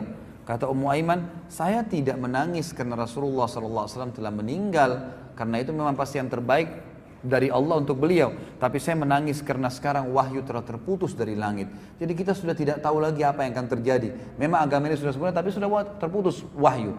Maka Ummu Aiman menangis dan Abu Bakar serta Umar pun menangis seketika pada saat itu. Seketika pada saat itu. Kemudian contoh zuhud ya Abu Bakar radhiyallahu anhu. Abu Bakar terkenal dengan kezuhudannya.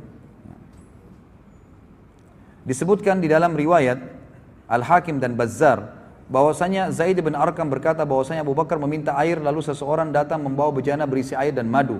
Ketika mendekatkan di mulutnya, dia menangis dan membuat orang-orang di sekitarnya menangis. Kemudian dia diam.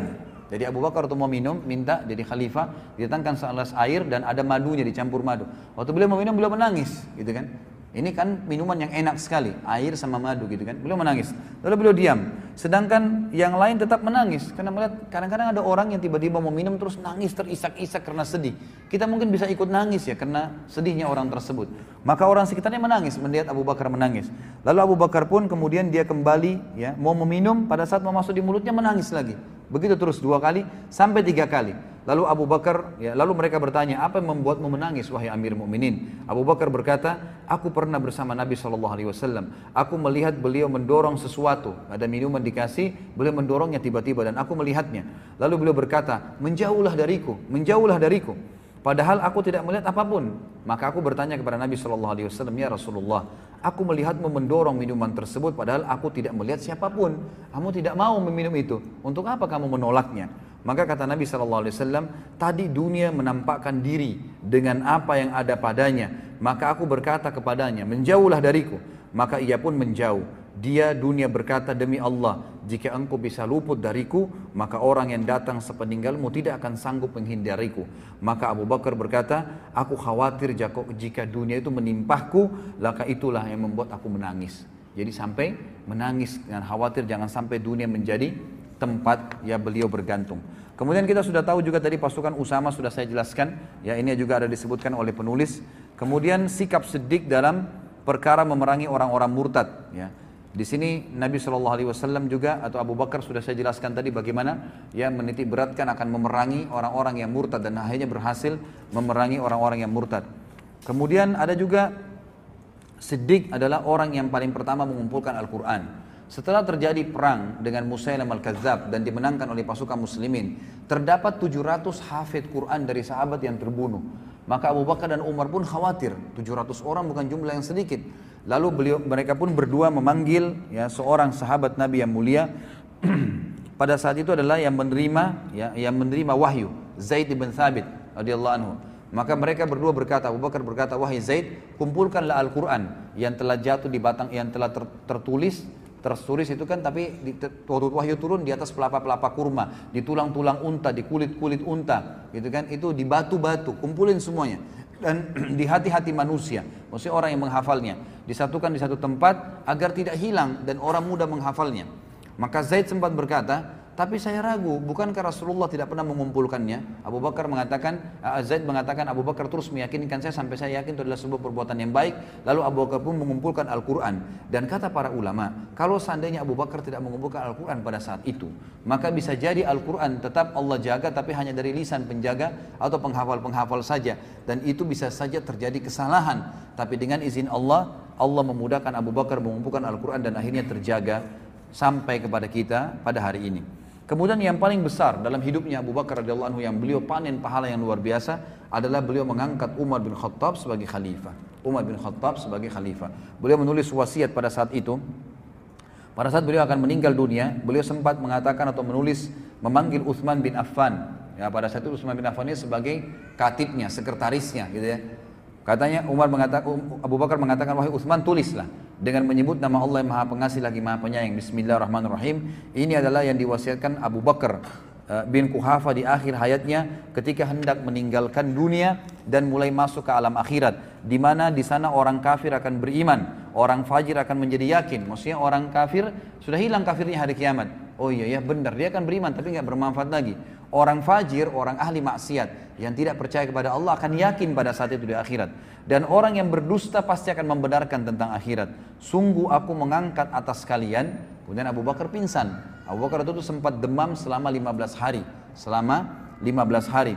Sebagian ulama sejarah mengatakan kemungkinan Abu Bakar demam ini pasti pengaruh daripada sengatan binatang buas ya kala jengking atau ular di gua Thur pada saat hijrah bersama Nabi SAW dan Allah ingin menutup hidupnya Abu Bakar dengan pahala yang besar dengan matinya disengatnya oleh hewan tadi. Muncul dan demam selama 15 hari. Kemudian Abu Bakar pingsan. Maka Uthman pun melanjutkan dengan sendiri mengatakan aku mengangkat atas kalian Umar bin Khattab. Lalu ketika Abu Bakar siuman bangun, dia berkata, bacakanlah kepadaku wahai Uthman. Uthman membacakan kepadanya kemudian dia bertakbir dan berkata, aku melihatmu khawatir orang-orang akan berselisih jika aku wafat dengan pingsanku ini. Uthman berkata benar. Abu Bakar berkata, semoga Allah membalasmu dengan kebaikan atas jasa baikmu kepada Islam dan kaum muslimin. Artinya, apa yang kau tulis tadi, aku mewasiatkan untuk Umar bin Khattab, memang itu yang saya mau tulis, tapi saya pingsan. Kamu menulisnya dan semoga Allah membalasmu dengan kebaikan pada saat itu. Maka kata para ulama, semua ya pembebasan wilayah-wilayah Persia, Romawi, biliaran orang yang sampai Islam sekarang di Asia, semuanya di seluruh dunia ini itu sebab ekspansi yang dilakukan oleh Umar bin Khattab dan Umar bin Khattab diangkat oleh khalifah ya oleh Abu Bakar radhiyallahu anhu dan itu disetujui oleh kaum muslimin, maka ini berarti jelas Abu Bakar mendapatkan pahalanya. Kemudian kita bicara masalah kematian Abu Bakar radhiyallahu anhu. Dan kita tutup dengan ini ikhwas sekalian, saatnya berpisah dengan beliau radhiyallahu anhu, Aisyah berkata, ya, pada saat Abu Bakar radhiyallahu anhu ya, mau meninggal, beliau sempat sakit selama 15 hari dan tidak menghadiri sholat serta meminta agar Umar menggantikannya. Serta yang paling sering didampingi mendampingi Abu Bakar adalah Uthman bin Affan. Lalu disebutkan juga bahwasanya Abu Bakar pada saat meninggal akan meninggal beliau berkata kepada Aisyah di dalam hadis yang sahih. Wahai Aisyah, sesungguhnya engkau adalah orang yang paling aku cintai dari keluargaku. Sebelum ini aku telah memberimu sebuah kebun, sebuah kebun. Dan aku ragu, dalam hatiku masih ada ganjalan. Kayaknya ini nggak bisa aku berikan kepada kamu sendiri. Maka aku wasiatkan kepadamu agar engkau kembalikan kepada ahli waris. Kalau aku meninggal, bagi rata. Kata Aisyah, baiklah, aku akan jalankan wahai ayahku. Lalu Abu Bakar berkata juga dalam riwayat yang lain, pada saat ya, dia akan meninggal dia mengatakan sejak kami memegang urusan kaum muslimin kami tidak pernah makan satu dinar atau satu dirham pun milik mereka. Tidak pernah ambil dari muslimin satu dirham dan satu dirham, tidak pernah. Tetapi kami tidak telah makan makanan mereka yang telah dibuang kulitnya dalam perut kami. Maksudnya yang mereka hidangkan buat kami ya udah. Tapi kalau khusus menetapkan bayaran muslimin bayar nggak pernah sekali satu dirham ataupun satu dinar yang diambil. Kami memakai pakaian kasar mereka di tubuh kami. Kami tidak mempunyai sedikit maupun banyak dari harta fai, rampasan perang kaum muslimin, kecuali hamba sahaya Habasyah dan seekor unta penyiram serta sepotong kain saja. Jadi Abu Bakar cuma mengambil dari harta rampasan perang pun. Jadi beliau hidup dari harta kerjanya sendiri ya, kebun-kebun kurmanya sendiri. Itu beliau tidak miliki kecuali seorang hamba sahaya. Itu pun hamba sahaya setelah beliau meninggal beliau wasiatkan kembalikan kepada khalifah selaku Umar bin Khattab. Juga seekor unta dipakai menyiram ya, ditaruh di atas punggungnya itu dua gentong besar untuk menyiram pohon-pohon kurma. Juga diberikan kepada Umar setelahku. Dan bebaskanlah aku darinya serta ini sepotong kain yang sempat aku diberikan pada saat aku jadi khalifah kembalikan aku tidak ingin sama sekali. Maka pada saat Umar dengar Umar pun menangis sambil berkata sungguh Abu Bakar telah membuat orang yang datang setelahnya lelah tidak bisa mengikutinya. Dan Abu Bakar ingin melepaskan dirinya dari masalah-masalah yang memberatkannya pada hari kiamat. Akhirnya pada saat dia meninggal ikhwas kalian radhiyallahu anhu kita dengarkan bagaimana statement yang mulia disampaikan oleh Ali. Mohon maaf ini agak panjang saya bacain sedikit, mungkin sekitar selembar setengah ya. Tapi ini riwayat yang luar biasa dan ini sekaligus meluruskan pemahaman orang-orang Syiah yang banyak menganggap bahwasanya Ali membenci Abu Bakar atau sebaliknya. Kita bisa lihat bagaimana Ali menamakan anaknya yang meninggal yang banyak terbunuh di Karbala pun bernama Abu Bakar dan Umar. Ya, bagaimana bernama Abu Bakar dan Umar dan juga Hasan dan Husain memberikan nama anak-anak mereka dengan Abu Bakar dan Umar. Di sini dulu saya penulis kalimat abadi dari Ali pasca Abu Bakar wafat radhiyallahu anhu. Abu Bakar wafat umur 63 tahun ya, dan itu tepatnya pada malam hari Senin ya. Hari Senin belum meninggal malam Selasa 22 Jumadil Akhir tahun 13 Hijriah. Ya. Aisyah sempat berkata pada saat akan meninggal dunia Abu Bakar, Abu Bakar sempat berkata, malam apa Rasulullah SAW meninggal? Aisyah berkata, hari Senin malam Selasa. Maka kata Abu Bakar, aku berharap meninggal malam ini agar aku bisa meninggal bersama dengan hari meninggalnya Nabi Shallallahu Alaihi Wasallam.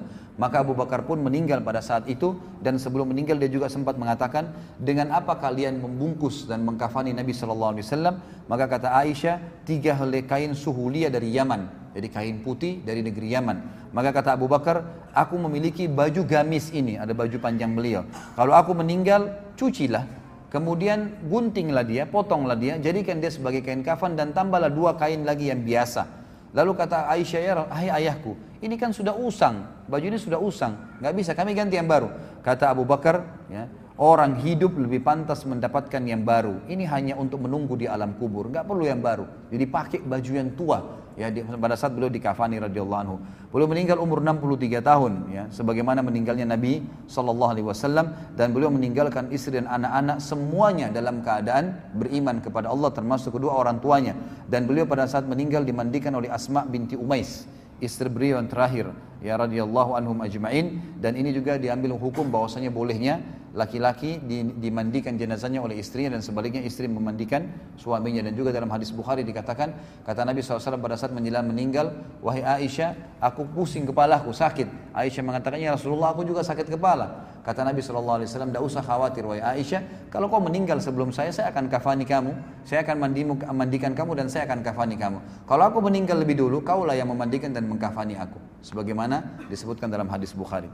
Kalimat Ali yang mulia adalah dari Usaid bin Safwan, ia berkata ketika Abu Bakar wafat, jasadnya ditutup dengan kain. Madinah berguncang dengan isak tangis mirip pada saat wafatnya Nabi Shallallahu Alaihi Wasallam. Dia berkata, Ali bin Abi Thalib pun datang, lalu berdiri di atas ya, tempat tempat diletakkannya jenazah Abu Bakar, di mana Abu Bakar wafat. Dia berkata, semoga Allah merahmatimu wahai Abu Bakar. Engkau adalah orang yang paling dekat dengan Rasulullah SAW. Ini perkataan Ali radhiyallahu anhu teman akrab beliau, tempat beliau berkeluh kesah, orang kepercayaan beliau, pemegang rahasia beliau, dan penasehat beliau. Engkau adalah orang pertama yang masuk Islam orang yang paling ikhlas imannya, orang yang paling kokoh keyakinannya, orang yang paling takut kepada Allah, orang yang paling berjasa dalam agama Allah, orang yang paling menjaga Rasulullah sallallahu alaihi wasallam, orang yang paling peduli kepada Islam, orang yang paling baik persahabatannya, orang yang paling banyak keunggulannya, orang yang paling utama kepulauannya, orang yang paling tinggi derajatnya, orang yang paling dekat wasilahnya, maksudnya pendekatannya kepada Allah SWT, orang yang paling mirip dengan Rasulullah SAW pada akhlak dan perilakunya, orang yang paling mulia kedudukannya, paling tinggi di sisi beliau, paling mulia di sisi beliau. Semoga Allah membalasmu atas kebaikanmu kepada Rasulullah SAW dan kepada Islam dengan balasan yang terbaik. Perlu kita tahu ikhwah, pada saat jenazah Abu Bakar diletakkan ini, orang-orang pada kumpul semua nih. Dengan Ali lagi berbicara, ini berbicara di depan jenazahnya Abu Bakar. Dan orang semua dengar. Jadi orang semua terdiam mengikutinya. Engkau membenarkan Rasulullah SAW pada saat orang-orang mendustakan beliau. Di sisi beliau engkau ibarat penglihatan dan pendengaran. Allah Ta'ala menamakanmu dalam kitabnya As-Siddiq sebagaimana Allah berfirman dalam surah Az-Zumar ayat 33. Jadi dari riwayat ini ulama mengambil pendapat bahwasanya memang istilah siddiq itu datangnya dari Allah Subhanahu wa taala kepada beliau. Sebagaimana firman Allah ini, a'udzubillahi jaa bis-sidqi wa dan orang-orang yang membawa kebenaran dan membenarkannya. Ayat ini turun kepada Abu Bakar. Engkau memberikan hartamu kepada beliau sallallahu alaihi wasallam pada saat orang-orang menahannya.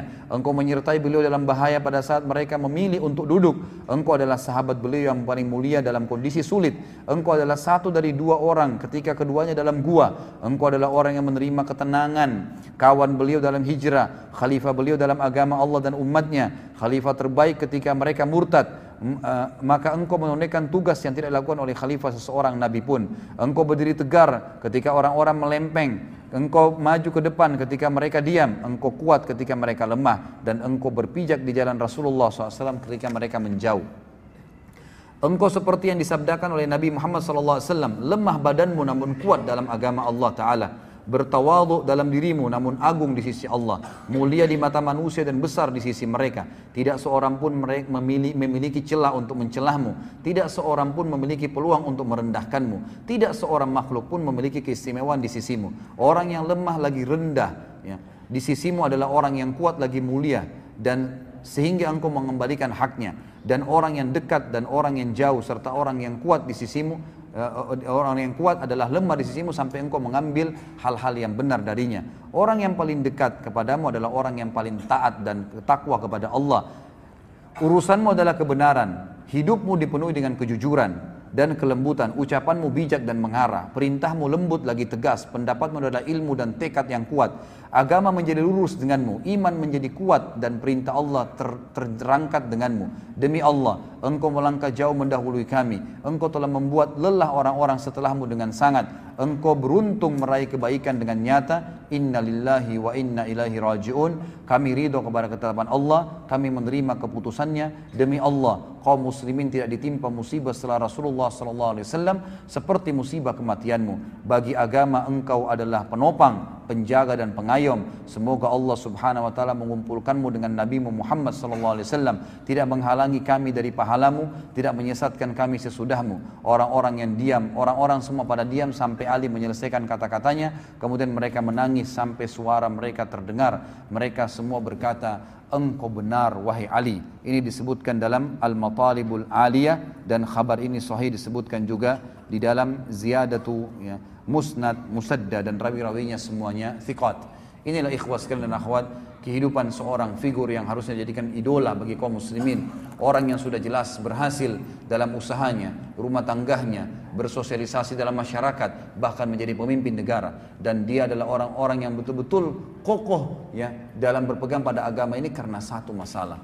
Sidq, Beliau adalah orang yang mengakini ini adalah kebenaran dan tidak pernah ragu serta menjalankannya tidak perlu ditambah dan dikurangi dengan ajaran-ajaran yang lain. Allahu alam. Ini yang bisa kita sampaikan. Semoga Allah SWT memberkahi majelis kita ini dan menjadikan kita orang-orang yang senantiasa menjadikan Umar bin Khattab eh, Abu Bakar radhiyallahu dan para sahabat Nabi yang lain sebagai panduan kita dan ikhwas kalian bacalah terus sejarahnya. Apa yang tadi antum dengar 2 3 jam ini hanya sebagian dari kisah-kisah beliau dan tetap saya sarankan untuk membacanya dan menjadikannya sebagai tauladan. Mungkin ini saja ikhwas sekalian dan saya tidak tahu kalau memang masih mau dibuka pertanyaan silahkan. Kalau tidak kita tutup. Panitia mana? Ada yang bertanya enggak? Ada pertanyaan ditulis di kertas enggak?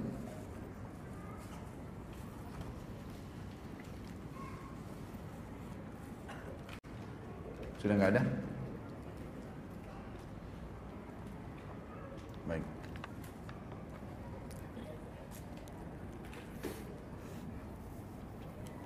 Assalamualaikum Pak Ustaz. Saya Rafa, anak kelas 2 di Bogor. Ini anak kelas 2 SD bertanya, yang yang sudah besar-besar nggak ada yang bertanya ya. Masya Allah, jazakallah khair. Semoga jadi anak soleh insya Allah. Ya. Saya bertanya, siapa yang membangun Masjidil Haram dan Masjidil Aqsa? Kalau Masjidil Haram, ya, Masjidil, Masjidil Haram sendiri, ya, Ka'bahnya, kalau Ka'bah itu dibangun oleh Adam dan Syith. Dan ini sudah saya jelaskan riwayatnya pada saat saya bahas Sirah Nabawi bisa dilihat di YouTube atau di web saya www.khalidbasalama.com ambil Sirah jilid 1. Ada penjelasan tentang uh, pembangunan Ka'bah. Kemudian runtuh pada saat terjadi banjir Nabi Nuh alaihissalam lalu dibangun kembali oleh Ibrahim alaihissalam, gitu kan? Nah, pada saat dibangun di zaman Ibrahim alaihissalam Ka'bah di situlah dibangun kembali atau dibuatlah di sekitarnya Masjidil Haram, masjid untuk ibadah ya, untuk sholat gitu kan. Di zaman Nabi Adam cuma rumah saja, gitu kan. Dibangun rumah Allah Subhanahu Wa Taala sebagai simbol. Tapi di zaman Nabi Ibrahim alaihissalam sebagai masjid. Begitu pula dengan Masjid Aqsa dibangun oleh Ibrahim alaihissalam. Jadi dua-duanya dibangun oleh Khalil Ar-Rahman, ya kekasih Allah SWT, Ibrahim alaihissalam sebagaimana disebutkan dalam banyak riwayat-riwayat yang sahih. Jadi Masjid Aqsa pun dibangun karena Nabi Ibrahim alaihissalam pertama dakwanya di Babilonia, kemudian pindah ke Palestina. Palestina ini kemudian beliau bangun Masjid Aqsa di situ, lalu dijadikan sebagai panutan dan kiblat, lalu beliau hijrah ke Mekah, ya, membawa Hajar dan, dan Ismail, kemudian dibangunlah Ka'bah serta dibangunlah Masjidil Haram. Jadi Masjid Aqsa lebih dulu ada sebelum Masjidil Haram. Buku Nabi yang sahih untuk anak Cukup banyak sebenarnya ya. Bisa nanti e, dilihat penerbit dari teman-teman kita ini ya. Kalau tidak salah sekarang itu ada perisai Quran ya. Penerbit perisai Quran itu dengan Ustadz Nizar Jabal kalau nggak salah ya. Itu cukup banyak buku-buku yang berhubungan dengan sirah Nabi, sirah sahabat. Khusus untuk anak-anak. Jadi bergambar dan berwarna. Itu yang saya tahu dan juga kalau tidak salah ada terbitan pustaka Ibnu Kathir ini yang sedang kita bedah bukunya ada juga buku tentang anak-anak baik sholat ataupun kisah-kisah Nabi dan juga sahabat. Allahu. Apa Ustaz, hal apakah yang membuat orang-orang Syiah membenci Abu Bakar? Tidak ada alasan. Tidak ada alasan dan memang itu itu awalnya karena memang di, pendapat ini diangkat oleh Abdullah bin Sabah. Abdullah bin Sabah ini orang Yahudi pura-pura masuk Islam dan memang dia sengaja ingin memerangi kaum muslimin. Makanya di zaman Uthman bin Affan dia masuk ke Madinah, kemudian dia mengatakan Abu Bakar sama Umar sudah merebut khilafahnya Ali. Maka sama Utsman ditangkap dikeluarin dari Madinah. Di zaman Ali radhiyallahu dia masuk lagi. Dia sebenarnya lagi fitnah. Abu Bakar, Umar dan Utsman mengambil khilafahnya Ali. Sama Ali ditangkap.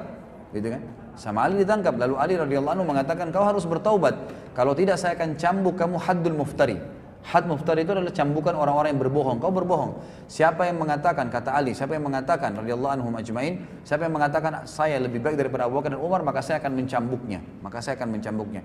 Lalu kata Abdul Abdullah bin Sabah apa? Kalau kau mencambukku, gitu kan? Eh, kata Ali begini, kalau kau tidak mau tobat, saya akan saya akan cambuk kamu. Kalau, kalau, kalau kau tetap memaksa lagi, saya akan bunuh kamu. Kata dia, kalau kau bunuh saya, kau adalah dia, kau adalah Tuhan.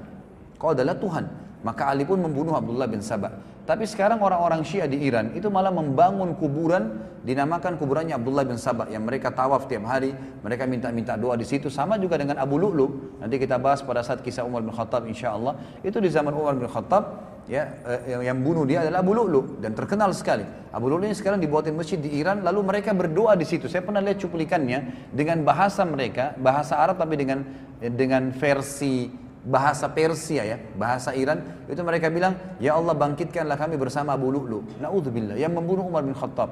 Dan sekarang mereka sampai menggunakan sendal, ditulis nama Abu Bakar sama Umar, dilaknat tiap hari. Tidak ada alasan gitu. Tidak ada alasan.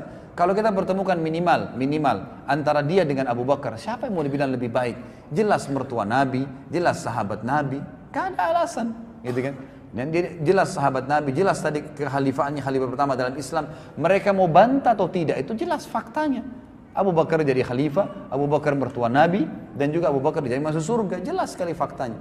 Tapi memang begitulah asasnya. Mereka memang mau berusaha untuk, uh, jadi orang-orang Yahudi ini berusaha dengan faham Syiah, itu untuk menghancurkan Islam melalui dasar pertama, orang-orang pertama. Yang menerima ajaran dari Nabi SAW siapa? Para sahabat. Jadi sahabat ini yang mau dipangkas sama mereka. Karena kalau sahabat dianggap kafir, maka dari mana kita akan terima riwayat? Sudah nggak ada. Ya begitulah caranya mereka mau menghancurkan Islam. Tapi dengan izin Allah, sebagaimana Allah berkata, rajim, yuriduna liyudfi'u nurallahi wallahu nuri walau karihal kafirun." Mereka mau memadamkan agama-agama Allah ini dengan mulut-mulut mereka dengan upaya mereka, tapi Allah pasti akan sempurnakan agamanya. Cahayanya akan sampai ke mana-mana, walaupun orang-orang kafir itu menolaknya. Walaupun orang kafir itu menolaknya. Dan kata Aisyah waktu ditanya, kenapa ada orang yang mencaci maki Abu Bakar, Umar, dan beberapa sahabat Nabi setelah mereka meninggal? Apa kira-kira hikmahnya gitu? Kata Aisyah, sungguh Allah subhanahu wa ta'ala menyuruh nabinya dan menurunkan dalam kitab Al-Quran agar mereka muslimin memuji para sahabat Nabi sambil seraya berfirman radhiyallahu anhum wa radu'an Allah ridha kepada mereka dan mereka ridha kepada Allah lalu mereka mencaci makinya demi Allah kata Aisyah ini hanya Allah karena ingin memberikan pahala yang besar kepada Abu Bakar dan Umar serta sahabat tabi'in setelah mereka meninggal. Karena dengan dia caci maki maka secara otomatis ya apa namanya akan uh, otomatis akan mendapatkan pahala. Dan sebuah hadis Nabi yang sahih jelas tadi tidak sempat kita sebutkan waktu ada orang-orang mencaci maki sebagian sahabat maka kata Nabi sahabat mencaci sahabat. Ada orang baru masuk Islam lalu mereka menyalahkan sahabat-sahabat muhajirin dan ansar yang lama masuk Islam apa kata Nabi SAW la tasubbu ashabi jangan coba-coba caci maki sahabatku ini sabda Nabi SAW ya. Lau anfaka ahadukum mithlu Uhudin zahaban ma ma ma balaga buddi ahadihim. Kalau salah seorang dari kalian berinfak emas semua seperti gunung Uhud besarnya, maka tidak akan pernah bisa mencapai pahala sedekah mereka walaupun satu mud. Satu mud itu cuma seperti satu genggam ya, telapak tangan. Itu tidak akan bisa dijangkau karena luar biasanya mereka telah hidup bersama Nabi sallallahu alaihi wasallam. Dan cukuplah Imam Syafi'i berkata, mungkin kita lihat waktu kita tutup dengan ini, Imam Syafi'i waktu ditanya, "Apa pendapat Anda wahai Imam?" Imam Syafi'i turunan Hasan, Turun Nabi SAW yang mulia, terkenal imam madhab. Beliau mengatakan, itu ditanya oleh murid-muridnya, apa pendapat anda tentang yang terjadi di antara sahabat? Muawiyah sempat berperang sama Ali di Siffin. Kemudian nanti kita bahas di masa kejayaannya Ali radhiyallahu anhu. Kemudian apa, apa yang hikmah yang diambil dari Ali radhiyallahu anhu pada saat berperang dengan Aisyah di perang Jamal, perang Unta? Apa yang kita harus lakukan? Siapa yang salah, siapa yang benar? Gitu kan? Langsung kata Imam Syafi'i rahimahullah seorang alim sunni yang faham benar Beliau mengatakan, saya sarankan kalian membaca firman Allah dalam surah Al-Baqarah. A'udzu billahi minasyaitonir rajim. Tilka ummatun qad khalat laha ma kasabat wa lakum ma kasabtum wa la tus'aluna amma kanu ya'malun. Setelah Allah SWT ceritakan tentang umat-umat sebelum kita, Allah berkata apa? Itulah umat-umat yang telah berlalu mereka telah mendapatkan apa yang mereka lakukan. Kalau mereka buat baik, dapat baik. Sekarang jadi surga, taman-taman surga dari kuburan mereka. Kalau mereka berbuat buruk, mereka sudah disiksa. Jadi lubang dari lubang neraka. Dan kalian juga akan diminta pertanggungjawaban atas apa yang kalian lakukan. Dan tidak usah repot-repot mencari tahu dan menanyakan perbuatan mereka. Ini pendapat diambil Imam Syafi'i rahimahullah dari ayat Al-Quran yang menceritakan kepada kita tentang keadaan umat-umat sebelum kita. Kita cuma bisa mengimani Musa alaihissalam Nabi, Taurat ada, pengikutnya ada. Tapi tidak perlu kita cari tahu isinya Taurat apa. Tidak perlu kita mengikuti lagi syariatnya. Memang begitu dalam Islam. Tidak usah tanyain lagi, cukup imani selesai. Yang kita terapkan saran Al-Quran dan apa yang diajarkan oleh Nabi Sallallahu Alaihi Wasallam. Mungkin sampai sini ikhwas sekalian. Mudah-mudahan sekali lagi Allah memberkahi majelis kita dan juga menjadikan kita orang-orang yang mengamalkan apa yang telah kita dapatkan dan semoga Allah Subhanahu wa taala dengan kemahamurahannya ikhwas sekalian menyampaikan derajat siddiq juga kepada kita sebagaimana Allah Subhanahu wa taala menyampaikannya kepada Abu Bakar dan semoga Allah menyatukan kita dengannya radhiyallahu anhu dan seluruh sahabat di surga firdausnya tanpa hisab. Kalau benar dari Allah, kalau salah dari saya mohon dimaafkan. Subhanakallahumma bihamdika asyhadu an la ilaha illa anta astaghfiruka wa. Wassalamualaikum warahmatullahi wabarakatuh